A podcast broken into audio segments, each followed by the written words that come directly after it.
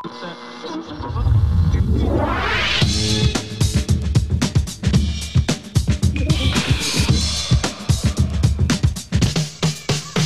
Paul. Welkom bij St. Paul's Boutique, de wekelijkse podcast vanuit Tivoli Vredenburg.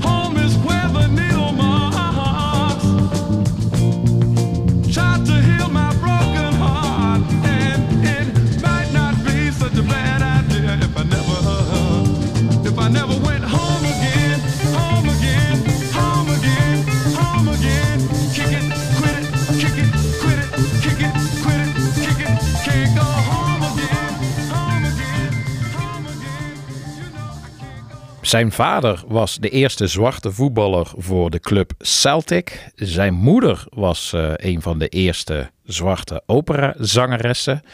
Hij zelf, Jill Scott Heron, eh, zou een belangrijke speler zijn op de vruchtbare grond tussen soul en jazz. Ook met een wat tragisch leven. Veel ook eh, gereflecteerd in zijn muziek. Ging het niet over zijn eigen leven, dan wel het straatleven van New York. Dit was een liedje dat luistert naar een titel die eh, op dit moment ook voor ons hier in Nederland eh, akelig actueel is. Home is where the hatred is. Welkom bij St. Paul's Boutique vanuit Tivoli Vredenburg. Ik mag weer met jullie de muzikale week doornemen. Kijk ik enorm naar uit, net als naar de albumrubriek. Dit keer is weer eh, journalist Gijsbert Kamer te gast. We gaan het hebben over nog zo'n New York artiest, namelijk eh, Lou Reed. Over eh, zijn popalbum, dat mag je toch wel noemen, Transformer. Daarover het laatste half uur zo mogelijk alles.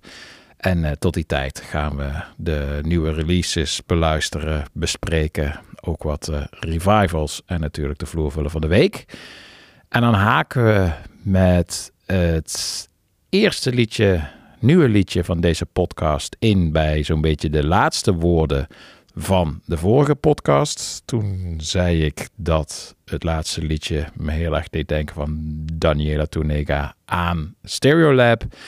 En toevallig zag ik van de zangeres van Stereolab, Letitia Sadier, een uh, nieuw nummer dat deze week verscheen. En nou was ik wat teleurgesteld door het optreden van Stereolab op Legacy hier in de Ronda en Tivoli Vredenburg. Maar dit nieuwe liedje is meteen weer liefde op het eerste gehoor. Uh, alles wat Stereolab en ook het solowerk van uh, Letitia zo mooi maakt. Is het pop? Is het indie? Is het jazz? Is het soul? Wat doet het ertoe wanneer het zo prachtig klinkt als dit nieuwe liedje? Who and What?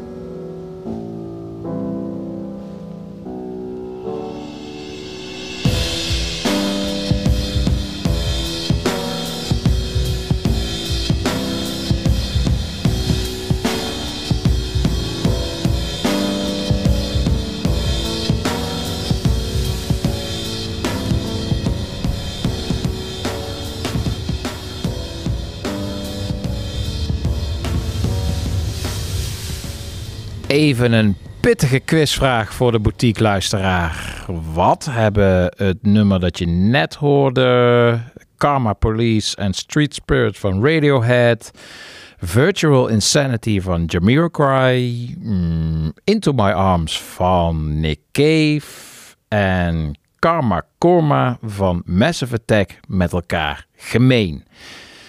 Ik heb het al gezegd, het is pittig. Je hoeft je niet te schamen als je het niet weet.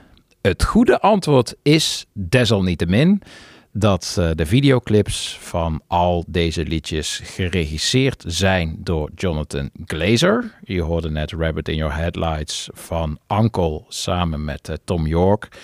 En die videoclip van hem samen met de videoclip voor Virtual Insanity, eh, die kreeg misschien nog wel de meeste aandacht. Staan bij mij ook meteen op het netvlies als ik aan dit soort nummers denk. En Jonathan Glazer staat natuurlijk nu ook weer vol in de aandacht door zijn eh, eh, prachtig gemaakte film The Zone of Interest. Heb je hem nog niet gekeken, dan moet je dat maar gaan doen. Net zoals bij iemand als Michel Gondry kun je altijd eh, heel erg goed zien bij dit soort regisseurs dat hun verleden ligt in het regisseren van muziekvideo's. En de dubbele laag die in de nieuwste film van Jonathan Glazer zit, zit ook in de video voor eh, Rabbit in Your Headlights van Uncle en eh, Tom York. En de aanleiding om dit nummer te draaien was niet alleen Jonathan Glazer, maar ook eh, Lowlands. Tom York staat daar met de smile. Heel benieuwd hoe dat gaat vallen. Of de massa daar het geduld voor kan opbrengen. Ik werd er in ieder geval vrolijk van. Maar nog veel vrolijker werd ik van de boeking van Floden. Floden is misschien wel in korte tijd eh, mijn favoriete Britse rapper eh, geworden. Hij klinkt ergens als de Barry White van de UK hip-hop. Zijn kenmerkend lage stem onthaast per direct en laat eh, massa's ADHD-slachtoffers voor even ontspannen. Hij is het afgelopen jaar samen met Skrillex verantwoordelijk voor een van de tofste vloerverbranders, het nummer Rumble. Skrillex overigens ook op Lowlands.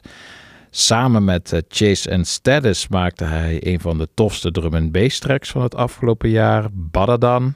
Hij doet talloze features en de een is nog toffer dan de andere. En ik wil nu even een track draaien van hem samen met Duits techno-producer Inelia. Een nummer dat, zoals bijna alle tracks waarop Floden meedoet, de dansvloer niet in één keer laat exploderen. Het klapt er niet in, maar meer als een soort slow cooker laat het de boel uiteindelijk minstens zo vurig ontbranden. Je gaat luisteren naar eh, het nieuwste nummer van eh, Floden samen met Inelia, Forward Forever.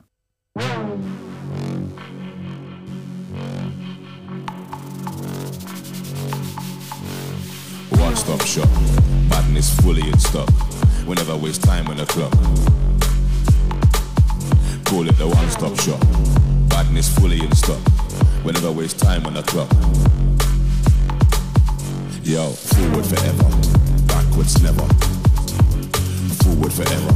Backwards never. Forward forever. Backwards never. Badness, fully in stock. You get it? We got it, one stop shop. Represent nations, go hard with a go on vacation. Badness is from your occupation. My name, them I carry to the station. Bond them, a lot of them are haters. So I feed them to the alligators. I cover land that I do it in acres. I'm at your doorstep waking up neighbors. Badness.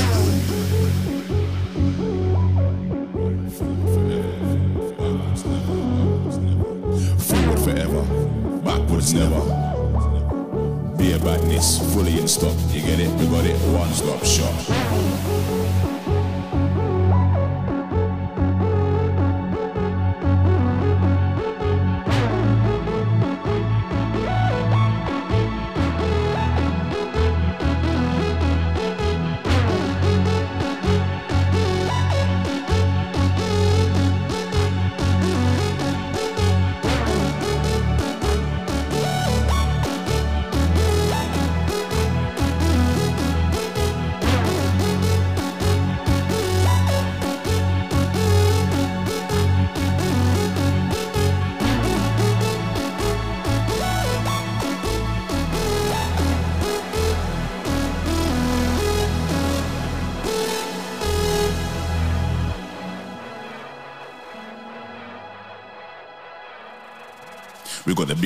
Profit go on in bond them. We take out the trash first. Money up front, only cash works. No billboard, the bother with the adverts. Black market, that's how we make the gas work. We customize any blank canvas. Corrupt like any city bankers. I'm on point for the dirty transactions. I'm in the middle with the middle like a champion. Bond them. One stop shop. Badness fully in stock. We never waste time on the clock. Call it the one stop shop. Badness fully in stock. We never waste time on the clock. Yo, forward forever, backwards never. Forward forever, backwards never. Forward forever, backwards never. Yeah, badness fully in stock. You get it? We got it. One stop shop.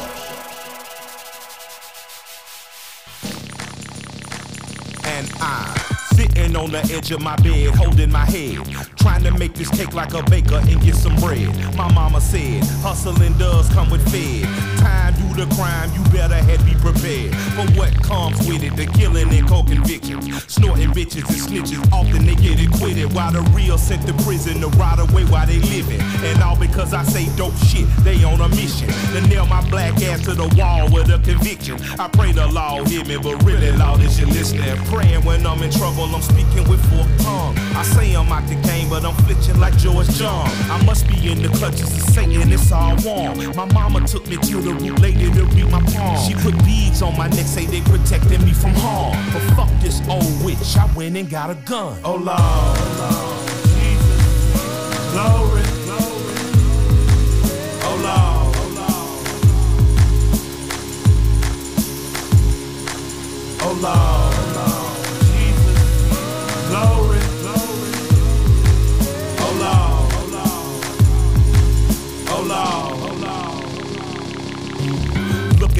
Bezel of my Breitling, thinking that I used to sell raps for enlightenment, but I got lapped by them guys selling lies for them white men. Now I sell pies for them white men. And my tour bus is a move of indict. This must be how Huey felt when the revolution failed and the Oakland nigga turned them on to a sack of Yale. You know the feeling's false, but it feel like yeah. I may have lost my cause, but not a reason to rebel. Revolutionary or a drug dealer, I'm in jail, and the SEALs call me nigga either way when I'm in there. Just like they did Pop. Just like they do Mumia, just like they do Mutulu or Asada if they see it. It ain't no justice if it's just us and court. For my folk and my people free Hoover, free Ford. The law never break us if we all on one accord. You know. Oh Lord, Lord, Jesus, glory, glory.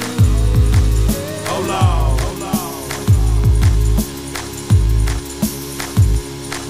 Oh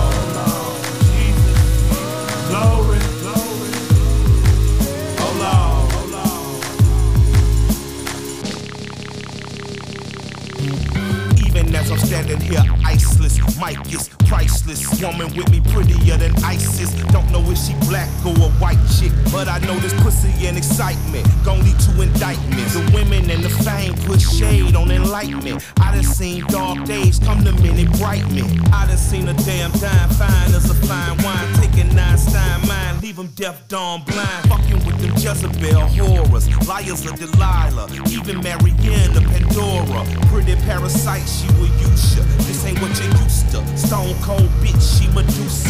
Dope ass pussy might make you an abuser. You an addict, not in love, boy. Don't get it confused, bruh. She don't need a boyfriend, she just need a booster. She the devil's pie guy, you was fucking loose. Oh Lord, Lord, Jesus, glory.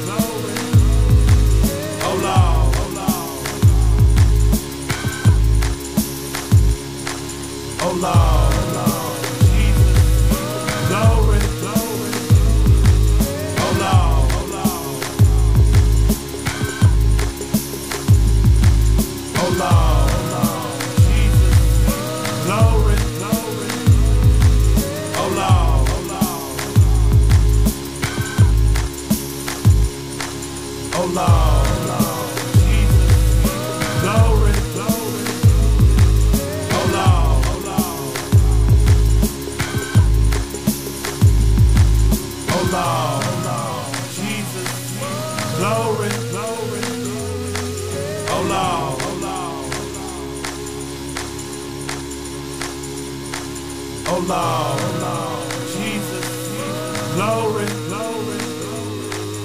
Hold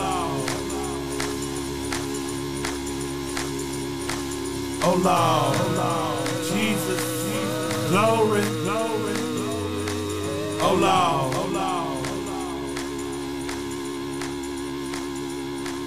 Hold. Jesus. Glory. Glory. Hold.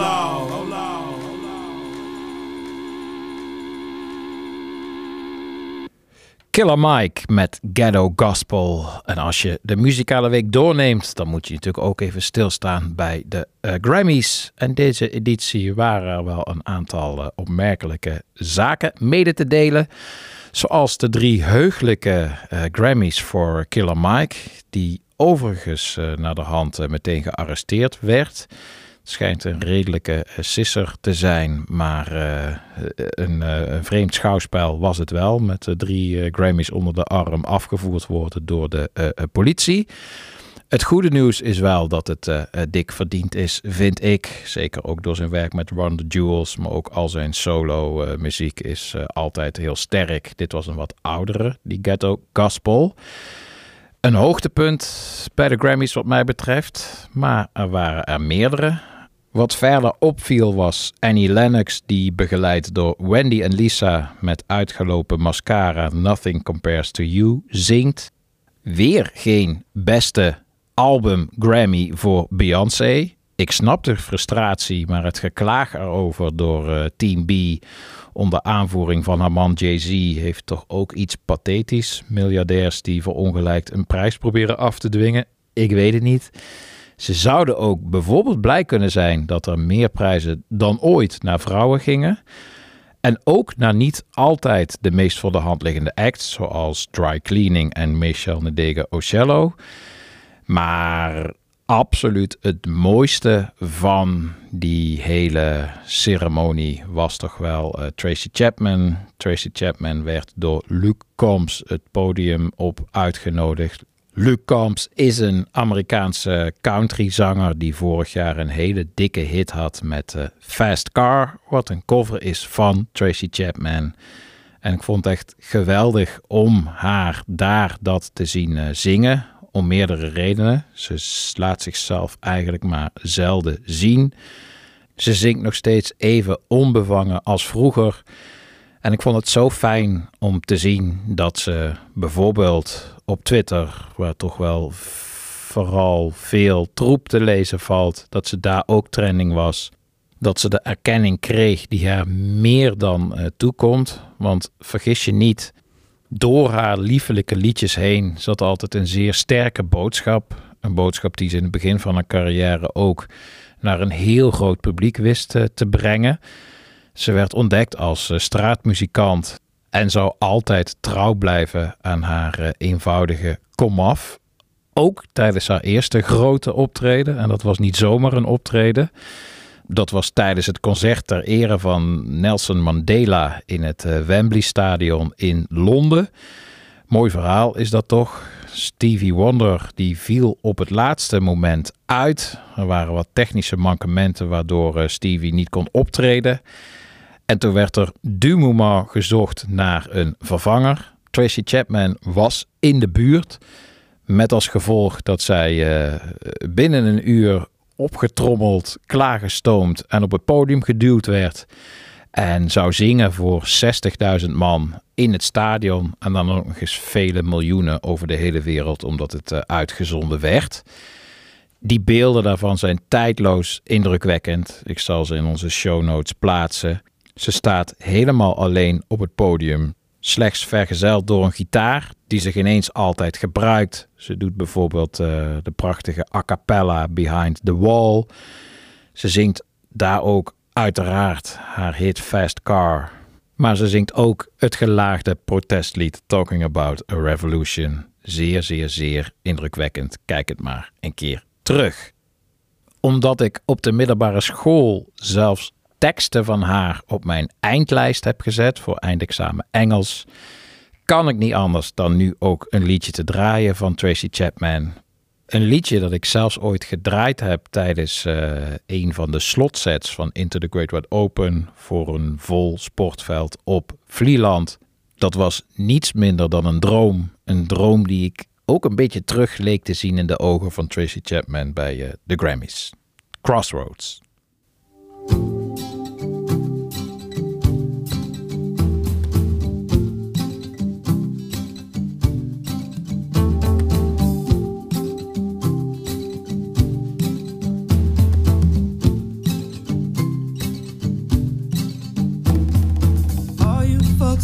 my life. You never made a sacrifice. Demons on my trail. i the of hell. I look to the left, I look to the right. Hands that grab me on every side.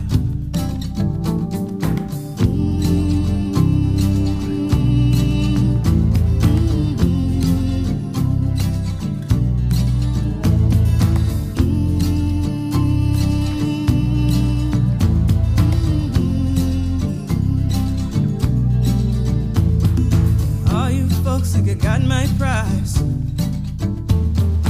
Which I'll sell, all that is mine. Think money rules when all else fails. Go sell your soul.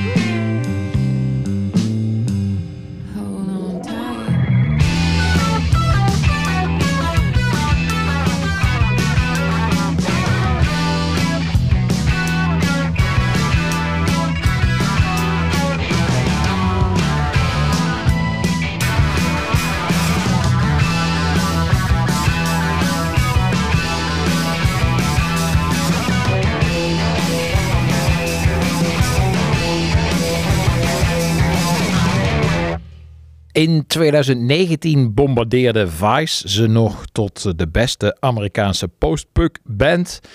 Daarna bleef het toch wel eh, een tikje stil om dit jaar weer een paar nieuwe fraaie liedjes uit te brengen. Waarvan ik het nummer dat je net hoorde toch wel echt het beste vind.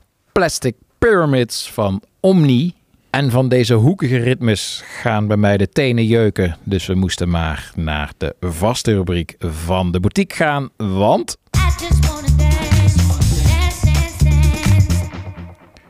het is tijd voor eh, de vloervuller van de week. En daarvoor gaan we nou eens een keer niet uh, up-tempo, maar down-tempo. Om precies te zijn, mid-tempo. We gaan naar een jaren 80 single van een vrij groot artiest uit begin jaren 80. Had meerdere hitsingles. En die is op dit moment uh, gebruikt, het nummer dat ik wil gaan draaien, in een hele grote actuele house hit. Die house hit die vind ik een beetje slick. Staat ook in de top 40. Ik ga hem er even bij halen. En dan mag je raden welk nummer, welk vroeg jaren 80 nummer hierin gebruikt is. Komt-ie. I feel the heat, I own wanna feel the beat, I wanna dance tonight. I wanna lose myself, I wanna come alive. I wanna feel the love go into overdrive.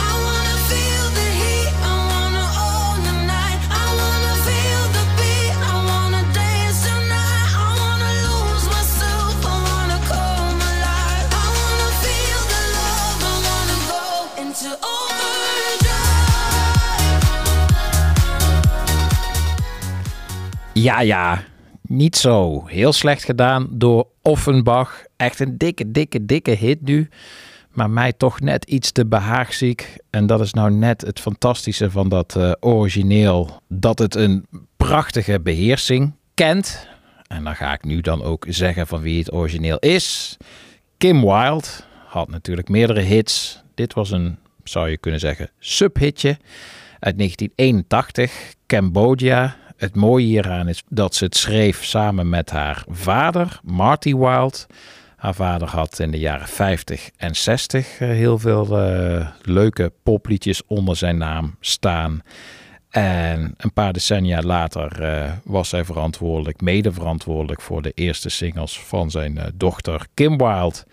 Waarvan ik deze toch wel de allerfraaiste vind. Hoe fijn dat hij dankzij die hitversie van Offenbach weer helemaal relevant is. Cambodja.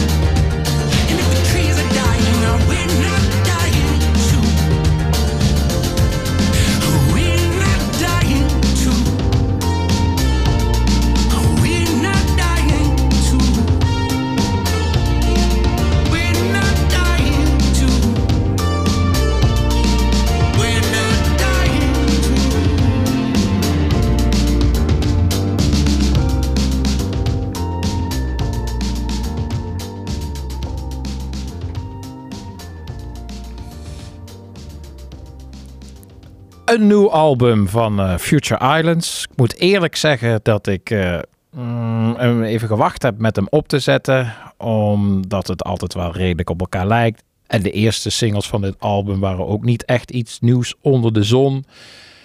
Maar dan zet je zo'n album op een rustig moment toch even helemaal op. Geef je het de kans. En dan is het gewoon prachtig van begin tot eind. Ik vind het echt heel erg mooie eh, liedjes. Niet waarlijk nieuw, maar dat is toch snel vergeven wanneer er zo'n mooi liedje op staat. Als bijvoorbeeld deze albumtrack Iris, Future Islands. En Future Islands brengt hun muziek uit op 4AD. En dat deed mij dan weer eens in het verleden duiken van het label 4AD. Ik had me niet zo gerealiseerd dat het al eind jaren 70 eh, begon voor het label. Dat ik vooral heb leren kennen dankzij de muziek van eh, de Pixies en de Throwing Muses en de Breeders. Als jaren 90 puber was dat een van de eerste labels die alles zei over mijn leven.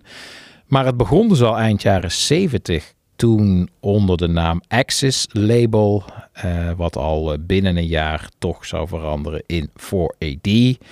In het begin maakten ze heel veel eh, new wave, synthpop, artiesten als Bauhaus en The Fast Set. Maar ook meer arty, punky nummers zoals dit. Fantastische Rema Rema, waar ik even een klein stukje van wil laten horen.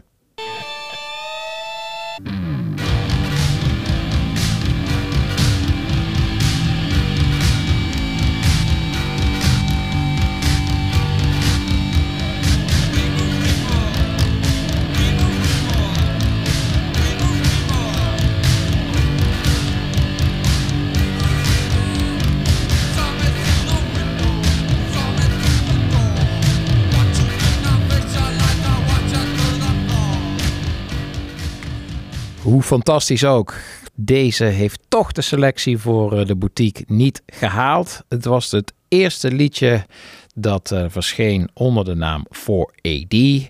Ik wil graag het tweede liedje uit hetzelfde jaar, 1980, verschenen onder de vlag van het 4AD-label, nu eh, draaien van een toch wel wat ondergewaardeerde band. In Nederland alleen bekend door de single Melt With You. Hoe tof die ook is, ze hadden meerdere gave nummers. En daar wil ik er nu eentje van draaien. Een vroeg 4AD liedje van Modern English dat nog steeds even fantastisch klinkt. Swans on Glass.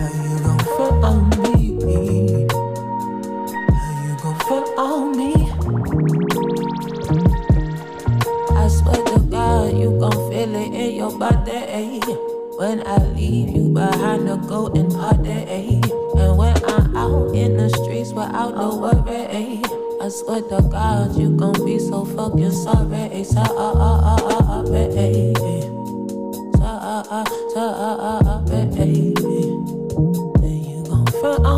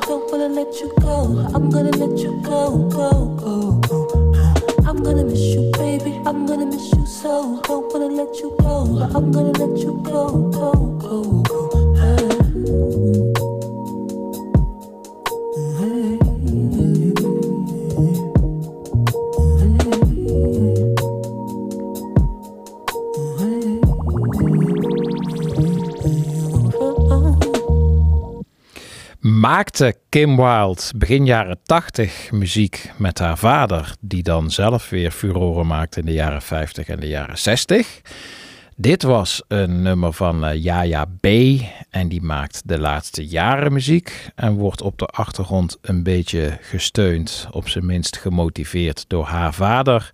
Die een belangrijke rol had in de Juice Crew. En de Juice Crew was zeer van invloed op de ontwikkeling van de vroege hip-hop in de jaren 80. Mooi. Yaya B is eh, ondergewaardeerd. Ik wil graag eh, een interview met haar met Clash Music in de show notes plaatsen. Moet je maar eens lezen. Ze heeft een enorm goed gevoel voor haar eh, muzikale roots. Niet alleen die van haar vader, niet alleen de hip-hop, maar ook de soul, de reggae. Het komt ook allemaal terug in haar muziek. Maakte een prachtig onderbelicht album een paar jaar geleden. Komt op 10 mei met een nieuw album. En dit is een van de vele mooie liedjes die daar tot nu toe van verschenen. Chasing the Boss, Yaya B. Rest ons nog één liedje voordat we gaan praten over Lou met Gijsbert Kamer. En terwijl ik dit zeg ben ik nog steeds aan het twijfelen over welk liedje dat moet zijn. Ik twijfel over een vroege Ezra Furman... Take Off Your Sunglasses, omdat Ezra Furman een boekje geschreven heeft over het album dat we gaan bespreken, Transformer, in de reeks 33 1 derde, een hele mooie reeks over albums. Of een nummer van onze eigen Rotterdamse Loesburg. Want dichter bij Lou Reed dan Loesburg komt toch niemand, toch? Nee, niemand. Weet je wat? Ik ga voor Loesburg. Mag je zelf oordelen of er iets dichter op Lou Reed zit dan dit. Een van de mooiste indie liedjes van het afgelopen jaar, al helemaal van eigen bodem. Communion, Lewisburg.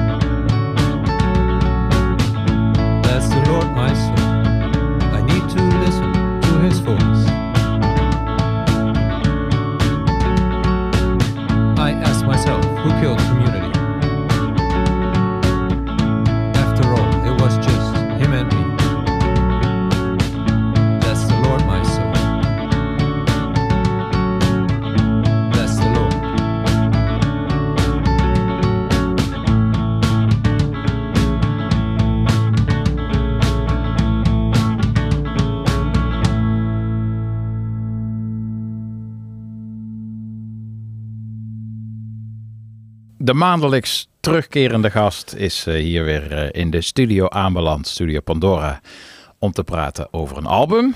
Maar eerst even, voordat ik eh, dat album erbij haal, uh, Gijsbert Kamer, wil ik toch even weten hoe jij de Grammys beleefd hebt. Eh, n- nou, nou, zoals altijd, eh, eh, met een hoop ergernis dat het allemaal niet live echt te volgen is voor ons eh, Europeanen. Eh, ik- had graag gewoon die hele uitzending willen zien. Eh, maar ja, je ziet dus steeds wel eh, op Twitter al, al zie je steeds alle berichten van die heeft gewonnen, die, die, die.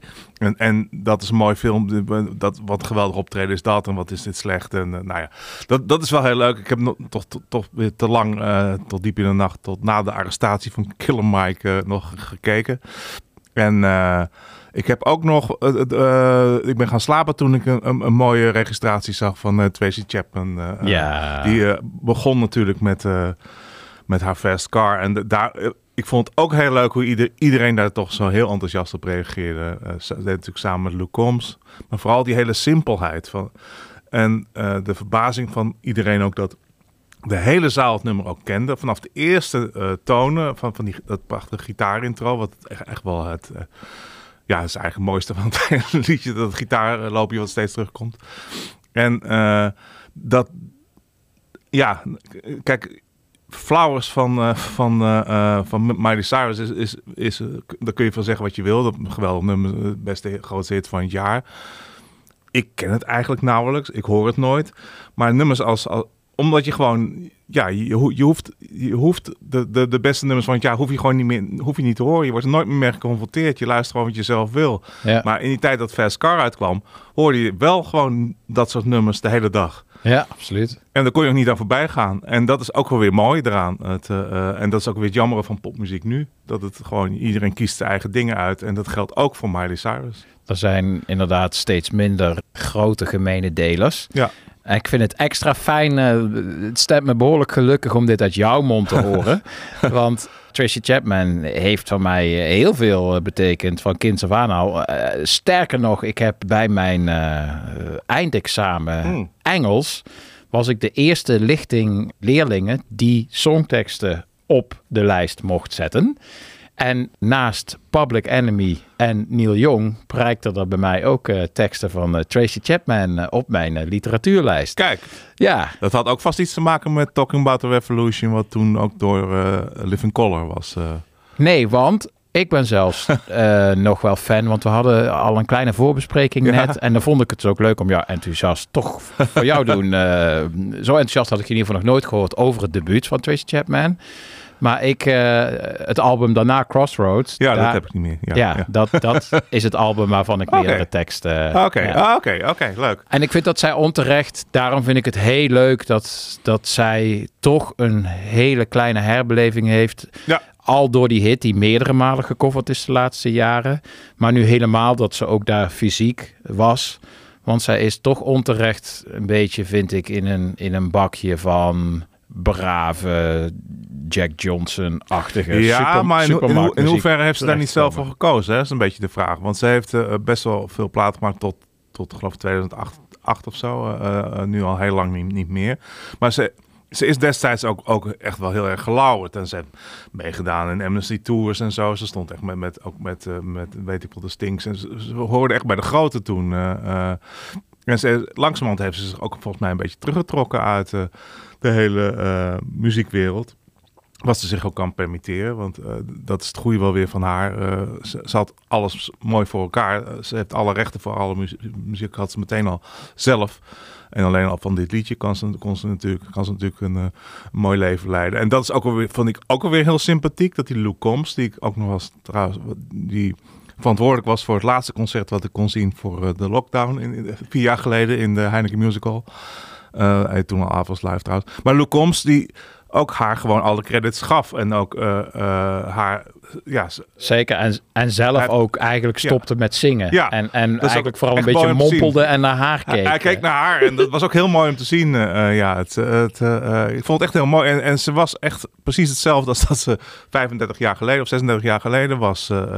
Maar ze heeft toch nooit... Ik, zie, ik heb haar nooit ergens op een line-up zien staan. nee, maar of ze- op nee, een- nou ja, ze, ze deed toen dus mee in die, in die grote Amnesty tours Ja. en dat soort dingen. Maar ja, dat is ook alweer... eh, ja, ik denk dat het ergens in de jaren 90 gestopt is. Maar het is toch prachtig? Welke artiest doet dat nou? Iedereen is alleen maar in aan het cashen en, Prachtig, en, ja, vind en ik de ook, eigen muziek eh, opnieuw Ik op het label en relevant wat- proberen te blijven. Ik heb ook geen idee wat ze nu doet. Maar ineens was het daar weer en iedereen kent dat liedje. Dat is, dat is gewoon wel echt heel erg, erg... eh, Dat vind ik echt, echt wel ontroerend. Dat is ook wel de kracht van goede popmuziek natuurlijk.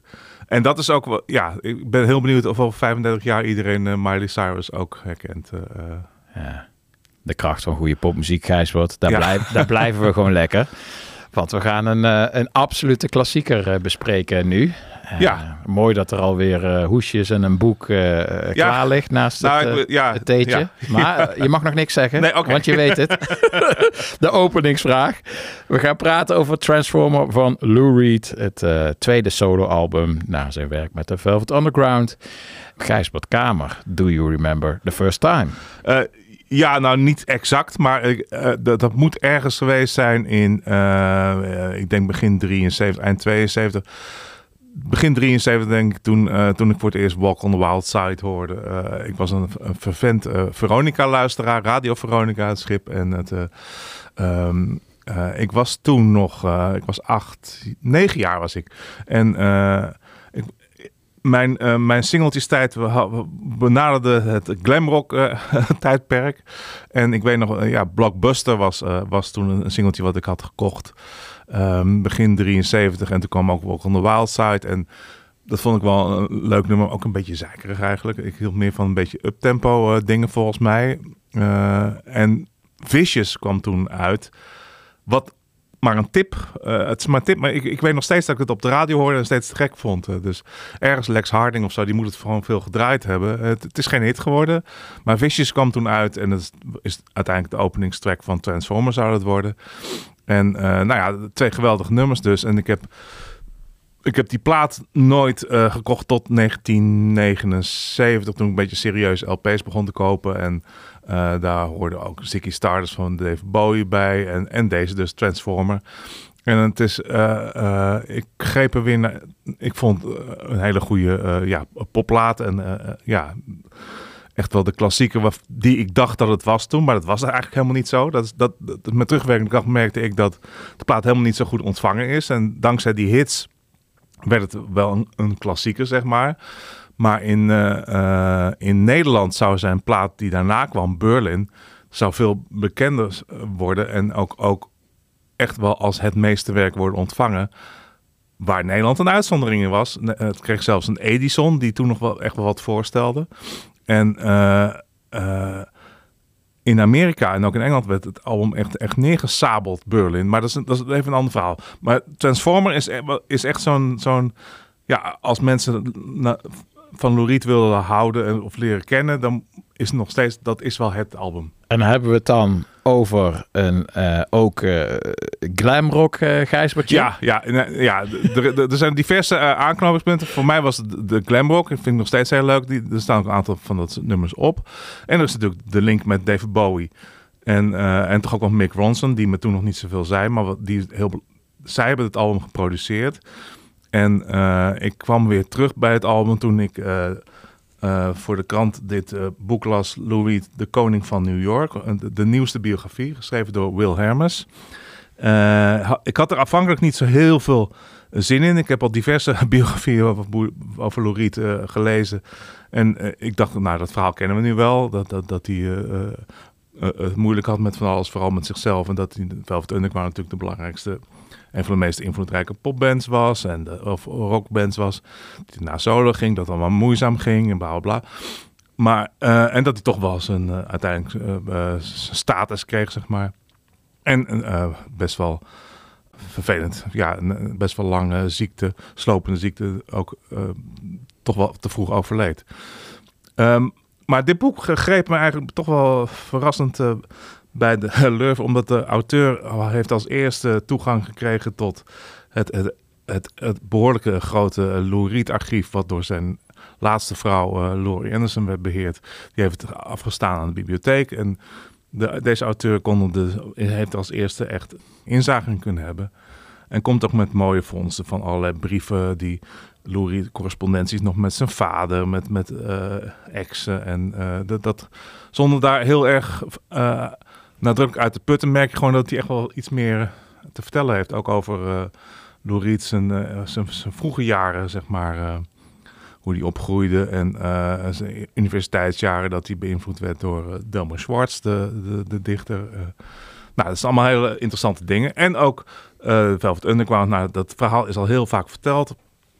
Dat ze weinig succes hadden, de contacten met Andy Warhol, uh, die, die, als producer vermeld stond op het album, terwijl hij natuurlijk helemaal geen producer was, maar wel heel invloedrijk op allerlei, uh, op de teksten en zo. En, en natuurlijk de hoes. En Nico moest meedoen van hem. Nico moest meedoen, inderdaad. Ja, dat is ook een. Uh, Nico komt ook wel. Nou, dat, dat, dat wist eigenlijk wel. Maar wat ik niet zo wist, is dat de solo-carrière van uh, Lou Reed eigenlijk in, in, in, betrekkelijke armoede begon. Uh, de echte credits had hij nog nooit, had hij, had hij nog maar niet gekregen. Dat toen hij met de Velvet Underground stopte in 1970. Toen hij eruit ging in ieder geval toen uh, was er eigenlijk maar, ja, er was één iemand die hem ontzettend hoog had zitten, maar die had, die had zelf ook problemen met zijn carrière nog op dat moment. Dat was de Britse David Bowie. Ja. Die zocht hem op in, in New York toen hij zijn eerste promotietoertje mocht doen. En uh, nou, er staan, um, de, Wil Hermers beschrijft ook mooi hoe ze met z'n drieën, uh, Lou Reed, Iggy Pop, die, die uh, moet er even bij genoemd worden, die ook toen helemaal niks had, omdat ze, zijn stoetjes uit elkaar gevallen waren En, en Lou Reed, echt drie ja, echt no-no's op dat moment die elkaar ontmoeten. En eh, nou, ze zouden uiteindelijk de drie van de grootste, belangrijkste popartiesten van de jaren 70 worden. Dat is ergens daar ontstaan. En, eh, want Lou Reed kwam eh, toen hij eh, even later dus voor RCA een heel lullig eh, contractje kreeg, ging hij naar Londen. En daar waren dus ook weer eh, David Bowie en Iggy Pop zou je daar ook weer ontmoeten. En, en zo is er langzamerhand iets ontstaan. En Bowie heeft, is altijd fan geweest. Die heeft vanaf het begin af aan al nummers als White Light, White Heat en I'm Waiting for the Man gespeeld. En die heeft zich ook over het, het eerste album van Lou Reed, wat Lou Reed heette, eh, dat deed heel weinig. Maar vlak daarna, een halfjaartje later, ging Dave Bowie met, eh, met Lou Reed en met, met Bowie's gitarist uit op dat moment, eh, Mick Ronson, gingen ze, aan de slag, zeg maar. Ja, en toen, voor dat tweede album, waar David Bowie echt met Lou Reed aan de slag ging, toen had David Bowie zelf wel al Toen had, precies, op dat moment, Ziggy op dat moment, op dat eh, moment begon, hij, begon hij zelf door te breken met, eh met Ziggy Stardust. Maar dat, inderdaad. dat vind ik extra mooier Ja, en dat ja. zegt wel wat over het karakter van een David Bowie. En ho- hoe niet zelfzuchtig hij is, dat hij op dat moment nog steeds ook die fan is. Ja. Die dan eh Ja. Lou Reed ook eventjes... eh, Ja, wat ook wel, volgens mij wel een rol speelt, is dat ook toen nog eigenlijk natuurlijk met de kennis van nu zeggen we allemaal wel, ja, het is allemaal eh, mooi bedacht en bla bla. Maar dat was toen natuurlijk helemaal niet zo. Bowie was nog echt struggling met zijn carrière en die hoorde gewoon iets in, in, in Lou Reed, die bewonderde hem en, en dacht we moeten samen gewoon iets gaan doen. En eh Reed zelf, ja, die had nog een hele batterij liedjes uit zijn Velvet Underground tijd.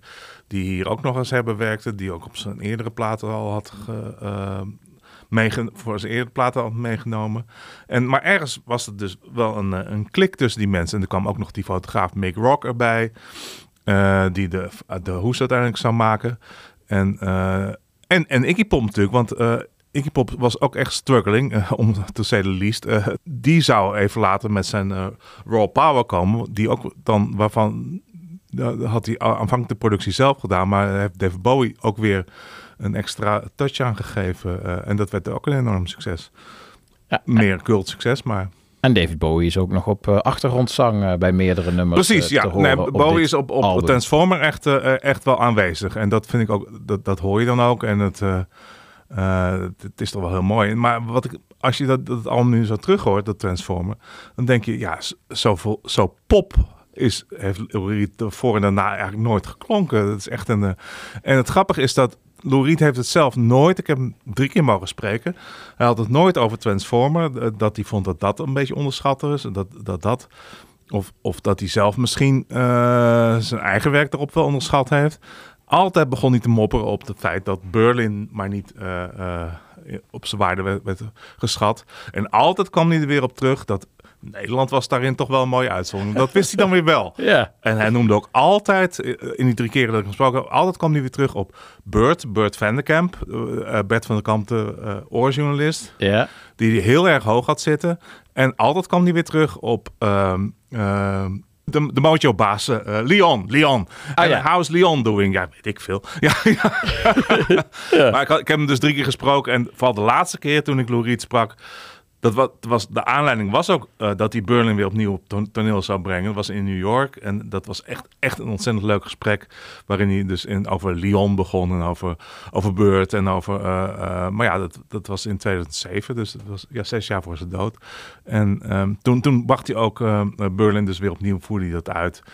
En, en toen kreeg hij eindelijk in Amerika wel de, de, de credits die, die hij nooit gekregen had voor de Burn. Dus hij zat ook goed in zijn vel toen. Hij was, hij was er echt blij mee. Ja. En vervolgens werd, werd die show in Nederland dan weer een beetje, eh in Avonds Live was dat, ik was er zelf niet bij, weer een beetje zuinigjes. eh. Maar het is grappig dat je dit eh, benoemt, dat het met terugwerkende kracht zo'n ontzettend popalbum is, als je ernaar kijkt. Ja. En dat is ook wat mij altijd verbaasd heeft, is dat het, jij begon er in eerste instantie ook meteen over dat je vroeger een glamrock Ja. liefhebber was. Je leest het ook in alle recensies uit die tijd die je er dan nu hebben teruggehaald, het woord glamrock. Maar behalve Vicious vind ik eigenlijk als je naar die liedjes kijkt. Ja. En zeker de hits. Ik bedoel, Satellite of Love, eh, Perfect Day en Walk on the Wild Side. Dat zijn gewoon perfecte popliedjes. In, voor mij Ja. is dat zo'n beetje de definitie van een goed, eh, goed popliedje, alle, alle drie. Ja, ja, ja, Ja. ja. Ja, zeker. Ja, Hanging Around vond ik nog wel een leuk, eh, een, een leuk rachend glam Ah, nummer. Maar inderdaad, nee, het zijn... Het zijn Ieder nummer is, is ook weer anders, of dat klinkt ook weer als een cliché, maar het, zijn, het, het, vormt ook op een of rare manier geen eenheid, behalve dat het allemaal wel toegankelijke popliedjes zijn. En dat zou, die, dat zou eigenlijk voor het laatst zijn. Eh, dat zou jaren duren. Hij, ging op allerlei mogelijke manieren zou die dingen uitproberen. Soms heel raak en soms ook niet. En, eh, ehm, maar ja, zo- zo'n album toegankelijk als dit heeft hij nooit meer gemaakt. Dat is ongetwijfeld ook de invloed, misschien onbewust van Dave Bowie geweest zijn. Die hebben ook een hele moeizame relatie gehad. Ze Daarna ook, eh, ehm, gingen ook allerlei dingen mis tussen hun. En nou, eh, uiteindelijk is het allemaal weer goed gekomen. Maar ja, Loriet is natuurlijk echt een onmogelijke man ook. En het, eh, Heb jij, je, je hebt hem dus wel een keer eh, gunstig gezind heb- gesproken, maar heb jij hem ook een keer gesproken met het beruchte tegenlicht? Dat hij, eh, ja, dat, dat tegenlicht, dat heb ik zelfs ook nog een keertje beschreven. Ja, ik heb hem in 96 voor het eerst gesproken. Toen kwam zijn album eh, Set the Twilight Reeling uit. Toen gingen we naar Parijs met een busje met een aantal journalisten. Dat was dan het handigste om de, de William van Warner Music, die, die reed ons dan met een busje. We waren gewoon met vier of vijf. En, en toen gingen we naar Parijs en dan zouden we vanaf ochtends vroeg al, om tien uur of zo, zouden dan interviews plaatsvinden. En ik was als laatste, dus ik had ook nog eens een keer, dat wist ik dan wel, dus ik had ook om twee uur of zo, om drie dus ik liep dan een beetje met, mijn ziel onder mijn armen, eh, eh, een beetje door Parijs. Het was heel koud, kan ik me herinneren, ik ben er wel ergens gaan zitten. En ik was best wel een beetje zenuwachtig, ook omdat Loriet had natuurlijk al een naam van, ja, is een, moeilijke man. En eh, eh, nou, in de auto eh, maakten mensen ook, ook al een beetje gek van... ja, ik heb hem al een keer gesproken. En ja, nou, dat was, je moet hem geen onzin vragen, hoor. Dan, dan loopt hij zo weg of dan word je uitgescholden en zo. Ik ging nog eens een keer goed luisteren naar het album op de Discman... waarvan ik al een promo had. En ik had de teksten had ik ook al. Dus zat ik me aan die teksten te, te staren. En alsof je, ja, ik ging ook eigenlijk een beetje verkeerd in. Ik wilde me heel erg. Ik wist wel dat ik het over nu moest hebben, dus over dit album. Maar de, over, begon ik over allerlei teksten. die ik dan ook natuurlijk net verkeerd citeerde en zo. het was ook echt een beetje, een beetje dom. Maar ik kwam dus die. die- hij zat dus in, in het. eh, eh, volgens mij in het George Sank, in ieder geval een van de duurste hotels van Parijs. Dacht ik ook van, van, van het jonge jongen. eh, en maar klagen op de industrie, maar je wel tussendoor de duurste, langs de duurste hotels laten brengen. En ehm, ik kwam zo'n kamer binnen. Hij zat daar achter een, een bureautje, dat was verschoven. Hij zat daar eh, voor het raam. En achter hem scheen dus echt het licht naar binnen. Een soort waterig zonlicht, maar dat deed behoorlijk. En ik, ik zat zo tegenover hem. En ik, ik zag hem dus niet. Ik, ik, ik kreeg dat, dat licht in mijn gezicht. Dat tegenlicht. En eh, dat was al heel vervelend. En toen begon hij ook nog eens een keer, en dat zou hij de volgende twee keer ook doen. En ik heb later ook journalisten gehoord, eh, David Fricke, toen eh, op memorial op Sauber Zuidwest, weet ik doet er niet toe. Maar die zei hetzelfde. Hij pakt altijd je recorder device. eh, pakt hij en gaat hij dan bekijken. Zo, oh, dus dit gebruiken jullie tegenwoordig. Oh ja, dan pakt hij mijn, mijn cassette recordertje. Of, of eh, waarom doe je dit zo? En eh, je hebt toch tegenwoordig dit en dat. En, eh, en dat heeft hij drie keer gedaan. En, en nou, dat is- zo begon het dus al. Dat- Een beetje intimideren. zo kwam het op mij over. Ja, misschien was het helemaal niet zo. Maar ja, in ieder geval dat, dat hij die journalisten even zo, zo met tegenlicht zou behandelen, dat was wel echt zo. En volgens mij was hij achteraf helemaal niet zo heel vervelend. Maar ik heb het als een heel vervelend gesprek ervaren. ik kwam ook met heel weinig terug eigenlijk, eh, had ik het idee. Ik kon er wel een stuk van maken, maar ik dacht, ik schrijf het ook eens een keer op. Hoe vervelend het is dat zo'n hoe zo'n man zich tegenover je gedraagt. Want hij kan natuurlijk ook gewoon een beetje meegaand zijn. En, en eh, het idee, en ook wel zien van, nou ja, dit is iemand die nog niet zo heel veel heeft, maar misschien is die wel heel into my work zo. Hè? Zo Ja, ja, ja, ja. En, maar goed, en een tweede keer was eh, in 2003, denk ik. Toen had hij een live album uit, waarvoor hij voor promotie, eh, een, een plaat die, die verder weinig gedaan had, een, een zoveelse live LP. Waarvoor hij voor promotie in, volgens mij, in het Amstel Hotel ook weer zat. Toen was hij wel vriendelijk, maar hij had ook eigenlijk niks. Ja, waarvoor die was, weet ik, weet ik eigenlijk nog steeds niet. Maar die praat een beetje over, ja, over gitaren volgens mij. En over opnametechnieken. En eh, waarom het tegenwoordig allemaal zo mooi was. Hoe, hoe, hoe live albums konden klinken zo makkelijk en zo. maar ja. Ja. Maar die derde was echt heel leuk ehm, eh, toen, eh, toen het over Berlin mocht gaan. Dat was echt een heel leuk gesprek. Ik, was in een restaurant en hij zat nog gewoon te eten. Hij had een bordje spaghetti nog voor zijn neus en zijn manager zat erbij. En, eh, maar het was allemaal heel, heel relaxed. Ik geloof dat we een uur hebben gepraat of zo. En, dus ik heb er echt ook wel weer mooie herinneringen aan hem. Ja, we moeten gewoon eh, het Mart Smeets alter ego van Lou Reed eh, laten voor wat het is. We blijven bij de, bij de leuke, amabele Lou Reed. Ja, want echt iedereen, die, iedereen heeft zo'n verhaal. Eh, eh, eh, eh, eh, ook die mensen, de, de grotere journalisten zoals Lester Banks of Nick Kent of zo, weet ik veel. Die, die ook hebben allemaal in hun boeken allemaal minimaal twee interviews met hem staan. Eén rampzalige en één goede. Het eh, is ook wel leuk. het. Nou, we gaan toch nu even focussen op zijn talenten. Ja. Ehm, we hebben een aantal elementen al, eh, al belicht. Invloed van, eh, van David Bowie, eh, de prachtige popliedjes, de, de, de lichte glam-invloeden. Ja, en toch ook En- wel, en- inderdaad, wat daar wil je waarschijnlijk naartoe, de gender, de inhoudelijke... Ja, de te- ik wou even De naar, teksten, naar de ja. teksten, Ja. de thema's, hoe invloedrijk en, en ver voor de tijd uit dat gebleken is in tekst. Daar komen we zo nog even op. Maar waar ik nu over wil hebben, ook met betrekking tot jou, is dat eh, dit eh, boek als subtitel heeft. Het boek dat je voor je hebt liggen, De Koning van New York. Nou ja, dat was hij eh, zeker in, in muziek. En ik zag in één keer wel een mooie parallel. Dat jij vorige week heb jij ook geschreven over Gershwin. Ja. In zekere zin ook een muzikale koning Ja. van, van New York en van Manhattan, waar Lou Reed ook veel over, over schreef. Ja. Dat moet voor jou toch ook, eh, ik weet ook dat de film Manhattan een favoriete Ja. film van jou is. Dus dat, dat, Ja. dat, dat New York straatleven, dat... eh, Ja, nou ook, ook dat is, was, is best wel een beetje ontluisterend als je dit allemaal zo terugleest. Het was echt armoedtroef hoor, ook voor, voor Lou Reed. En die, die zat er daar maar in, in, in dat, die, die zuidelijke, ehm, eh, de Lower East Side van, van, van New York. En ze hadden eigenlijk helemaal niks. ook in de Velvet Underground tijd niet, maar ook toen, toen in de eerste jaren dat hij eh, solo-artiest was. Eh, het is pas zijn, eh, zijn tweede of derde vrouw, Sylvia, die heeft hem echt in de jaren tachtig financieel eigenlijk het goede pad opgestuurd door allerlei deals eruit te slepen voor reclames en voor weet ik wat. Je, hoorde ineens, ineens ook, hoorde je ook Lou eh, in, eh, ja, in reclames terugkomen. En, en eh, je merkte ook dat eh, zij, zij kon ook een beetje te gelden maken dat ehm, er in de jaren tachtig ineens een enorme herinteresse in het werk van de Velvet Underground kwam. Dat begon toen eigenlijk pas. Met bands als R.E.M. die eraan refereerden. Ehm, er kwam een verzamelaar uit eh VU in eh, 1985 die heel veel indruk maakte op, op hele, vooral een hele Britse generatie muzikanten.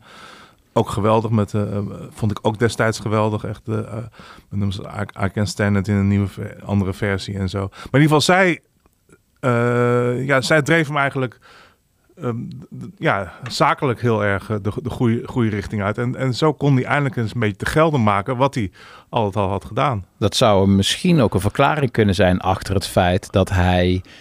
Eh, ik las over eh, het samplegebruik eh, van Ja. Walk on the Wild Ja. Side. Ja, ja, ik- ja. Tribe Called Quest had een grote hit met Can I Kick It.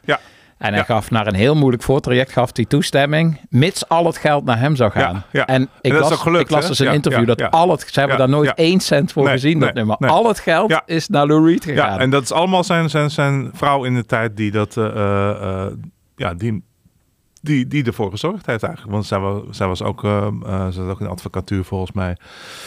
In ieder geval, eh, toen pas eigenlijk in de jaren tachtig begon, het een beetje, begon hij een beetje fatsoenlijk te leven, zeg maar. Je kunt je nauwelijks voorstellen, want hij was natuurlijk wel heel veel op tour. Maar hij gebruikte natuurlijk ontzettend veel, dus alles ging ja, rechtstreeks arm in, om het zo maar te zeggen. Maar het, het, ehm, eh, dat is echt armoedroef. Het was bepaald geen, eh, geen leuk eh, Manhattan wat je hier tegenkomt. eh, wat natuurlijk door Woody Allen wel geromantiseerd is. Dat Lou deed daar niet aan mee. En dan krijg, je op het album New York trouwens, wat in 1989 verscheen, wat, wat, wat ik nog steeds, ja, ben, ben ik niet alleen in, zijn beste plaat vind. Schrijft hij ook, ook wel geweldig over dingen waar hij vroeg eerder al over schreef. Namelijk over de Halloween Parade, over, over alle eh, travestieten. Alle, alle, hij heeft zelf ook een tijd lang gewoond met een, eh, een, een, een, travestiet. Hij heeft natuurlijk over Holly, over Candy Darling heeft hij geschreven. En hij was de eerste die dat echt deed ook. Maar ook niet op een glamoureuze manier. Zijn band met Andy Warhol lijkt dan allemaal wel... Ja, dat is, dat is de... ja, lijkt heel romantisch en heel mooi. Maar het was best wel zwartgallig, zwart allemaal. Zwarte romantiek. En eh, dat, nou, dat, dat komt ook allemaal in het boek wel heel erg naar voren. En dat, eh, ehm, ja, je, je, je ziet die achterbuurt bij wijze van spreken voor je ook als je de muziek hoort. Maar wat, wat ik nog even wil zeggen, wat in dit boek ook wel eh, voorkomt, is dat Lou Reed hield, er, hield erg van popmuziek, maar hij wilde af van het kinderachtige imago van popmuziek. Hij wilde het echt over, eh, over serieuze zaken zingen. En dat werd dus, in zijn geval werd het, eh, eh, werd het drugs waar hij heel openlijk over zong. En over seksualiteit. En eh, dat is, was niet voor de kinderen natuurlijk. heroïne en he- heroïne en aanmeting voor de man. Dat soort nummers.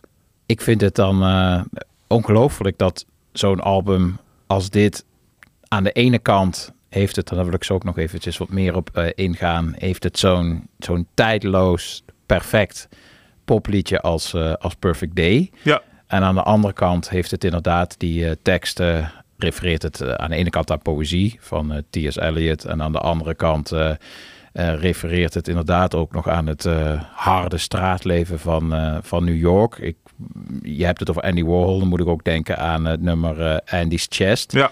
Wat eh, letterlijk gaat over eh, de borst van eh, Andy Warhol nadat hij beschoten werd door een activistisch feministe. En dat zijn ook van die jarenlang wordt het, wordt het als rock and roll verhalen gezien. Maar kom er nou maar eens om dat, Ja, ja, precies. dat, een, ja, ja. een, dat een, een, een zogenaamd producer even in zijn eigen omgeving Nou ja, als je, beschoten precies, wordt. Precies. En als je, Lou Reed schreef het allemaal, allemaal toch maar op. En dat, zou dat in, in Berlin ook wel, wel doen. Een soort driehoeksverhouding met de moeder die uiteindelijk haar kinderverlies en zelfmoord pleegt. Het is allemaal, allemaal echt wel voor 50 jaar geleden. De- Dat kon toen meer dan, dan nu, zeg maar. Het, eh, het, ook omdat natuurlijk de, de, de popcultuur nog niet zo niet zo'n miljardenbusiness was als dat het nu is. Maar eh, dit zijn wel de mensen, of Lou Reed is wel een van die mensen die dat mede vormgegeven heeft. eh, Ja. En een aan prachtig de wieg gestaan heeft, ja. En een prachtig contrast vind ik het dan met, dat had ik me nooit zo gerealiseerd. Zeker in het licht van, daar komen allerlei dingen weer op een prachtige manier samen van de We Are The World documentaire. Zat ik te kijken naar die, ik dacht er is Ja. toch ook, er was ook zo'n latere versie van Perfect Day. Ja. Eh, eh, en ik wist dat dat ook, net als We Are The World, zo'n charity eh, opname was. Maar wat ik me nooit zo gerealiseerd had daaraan, is dat het ook door eh, Lou Reed geïnstigeerd eh, was Ah, zelf. Ja, ja, ja. En als je dan kijkt wat daaraan meedeed, want van mij is dat ja, dat Perfect Day later. Ik, ik heb het in de, da- in de dagen nooit geluisterd. Laat staan dat ik het later nog eens een keer op heb gezet. Die, die re-release, die charity Ja, ja, ja. late jaren 90 versie. Maar dat doet dus Lou Reed zelf eh, op mee. David Bowie doet erop mee. Elton John, Tom Jones, Susan Vega, Shane McGowan, Emmylou Harris, Even Dando, de onvermijdelijke Bono. Aan de ene kant Boyzone en aan de andere kant ook Jax, de jazz-saxofonist Courtney Pine. En ik dacht, jezus, dat, eh, daar zou je bijna ook een eh, We Are The World-achtige Netflix-documentaire over kunnen Ja. maken. Ja, eh, Maar, maar Ja. dat, was, dat was bij jou toch ook toen dat uitkwam?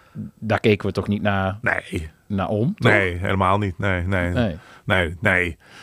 Maar toen was ook Lou Reed al, al, volgens mij ook al in- inmiddels alweer in een fase be- beland dat je ook dacht van, nou, het zal allemaal wel. Maar het, eh, zo- zoals eigenlijk heel veel sterren, nou, ook David Bowie eigenlijk in die tijd. Maar ik vind het zo'n opmerkelijk contrast dat hij dat ook in zich Ja, heeft. ja. En, Nou ja, ook dat, ja, ja. Nou, hij, had, hij, had echt wel, hij was echt wel. Inmiddels was hij wel wat handiger als zakenman. Hij was toen ook al overigens al met uh, Laurie Anderson samen, met wie hij 21 jaar samengeleefd heeft. En die heeft hem ook echt wel, eh, eh, zeg maar, clean gehouden en ook wel, ja, eh, op het goede pad gehouden, zeg maar. En ik denk, ja. Hoe, de achtergrond van dit nummer is me niet helemaal meer bijgebleven. Dat gaat overigens de auteur ook niet zo heel erg op, op in hoor. Maar het, het was er wel, ik weet het wel. En ik, ik weet ook dat ik dacht van, nou ja, het, mwah, een beetje schouderophalend zo. Ja. Zoals ik eigenlijk ook deed voor We Are The World in de tijd. Eh, eh, nou, ik ben toevallig nu een stukje over aan het maken. Maar wat me aan We Are The World vooral destijds al opviel... is dat de enige toen echt heel erg actuele, echt heel goede ster erin... voor de rest was het allemaal has-beens en mensen die, die, al jaren, die al een jaar uit zicht waren... en net met, op dat moment met behoorlijk slecht werken eh, ehm, bezig waren... was Bruce Springsteen. Dat was de, de man toen. En als ze die niet hadden, vraag me echt af of het zo'n enorme hit geworden was. Ik weet het ook niet, maar ik weet wel. Nee, goed, maar dat doet niet toe. Die, Maar- die documentaire is, Ja, is qua, geweldig. qua, Ja, qua ja, eh, ja. behind the scenes. Ja, is eh, heerlijk, is heerlijk. het wel echt fantastisch. Ja, ja, het is heerlijk. Toch wel one of a kind ook. Ja, ja, ja, eh, ja, ja, ja, ja. Maar Check, goed, dat- check your ego at the door. Dat, Ja. dat is wel gebleken. Ja. ja. Hey, en als we dan nu zo langzaam kruipen richting het einde van de rubriek en we moeten een liedje gaan kiezen, waar denk je dan aan en waarom? Eh, dan wordt het eh, Satellite of Love. eh, omdat ze daar, omdat zowel Dave Bowie als Lou daarop heel goed te horen zijn. En je hoort ook het werk van Mick Ronson heel goed. Die heeft nog strijkers gearrangeerd. En het, ja, eh, daar komt eigenlijk alles een beetje op samen. En het is ook een heel goed liedje. Dat weet ook eh U2. Bono weet dat. Die Yep. hebben het nog gezongen. Ja. maar, nee, maar dat, Die zong het nog, moet ik toch even zeggen. Die zong het nog toen ik hem zag. Ja, ja. eh, als late tiener zag ik hem tijdens een optreden. Ik weet niet meer welke tour het was. Maar zong die het, en dat was toen echt al een heel erg ding. Met eh, niet een hologram, maar zong die een duet met Lou Reed. Dan eh, Ah, beelden ja. van Lou Reed Ah, op ja. een heel groot scherm naast hem. en dan zong die het duet terwijl hij dan naar dat scherm eh, keek. En dan waren dan partijen van Lou Reed. zag je dan op groot scherm. Ah, en, ja. en Bono zong het dan live op het podium. mee. maar Lou Reed leefde toen nog gewoon, toch? Ja, ja, precies. Ja, absoluut. Maar dat maakte, wel, maakte op mij wel indruk. kan ik niet ontkennen. Ja, nee, tuurlijk. Ja. Nee, maar het, en als je het nu hoort, ja, dat is ook een geweldige song. Het, eh, eh, Ja, fantastisch. En het kwam er toch allemaal maar even eh, ja, zeg maar snel uit op, op dat moment. en het is heel raar. Ik vind nog steeds heel raar dat Lou Reed eigenlijk nooit meer naar die simpel of naar die ja daarnaar heeft teruggegrepen of zo. Hij heeft nog wel natuurlijk wel mooie liedjes gemaakt en sterk, maar nooit zo catchy als Nee. als hier op dit Transformer. Dat vind ik toch wel heel mooi. Nou, lang leven de albumrubriek dat we dat lekker allemaal Ja. eh, terug kunnen halen. En het is ook geweldig dat eh, deze liedjes, dat wil ik toch ook nog even zeggen, opmerkelijk goed overeind blijven. Ja. Ook op een, eh, op een dansvloer. Oh ja? Ook als ballade. Kijk, zo'n Perfect Day, we noemden net de charity versie, die is te verwaarlozen. Maar door Trainspotting had het natuurlijk ook wel een tweede leven in Ja. eh, een hele Klopt. coole Ja, eh, ja. environment. En wa- was het weer door een hele nieuwe generatie werd het omarmd.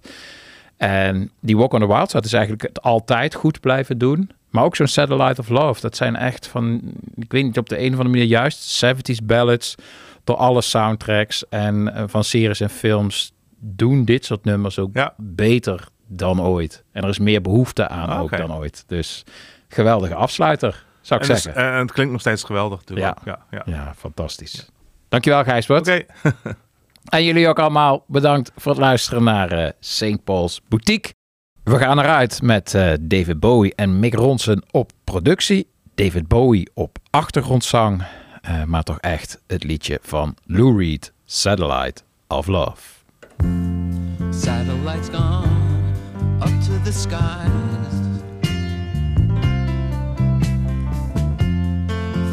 That drive me out of my mind. I watched it for a little while. I like to watch things on TV.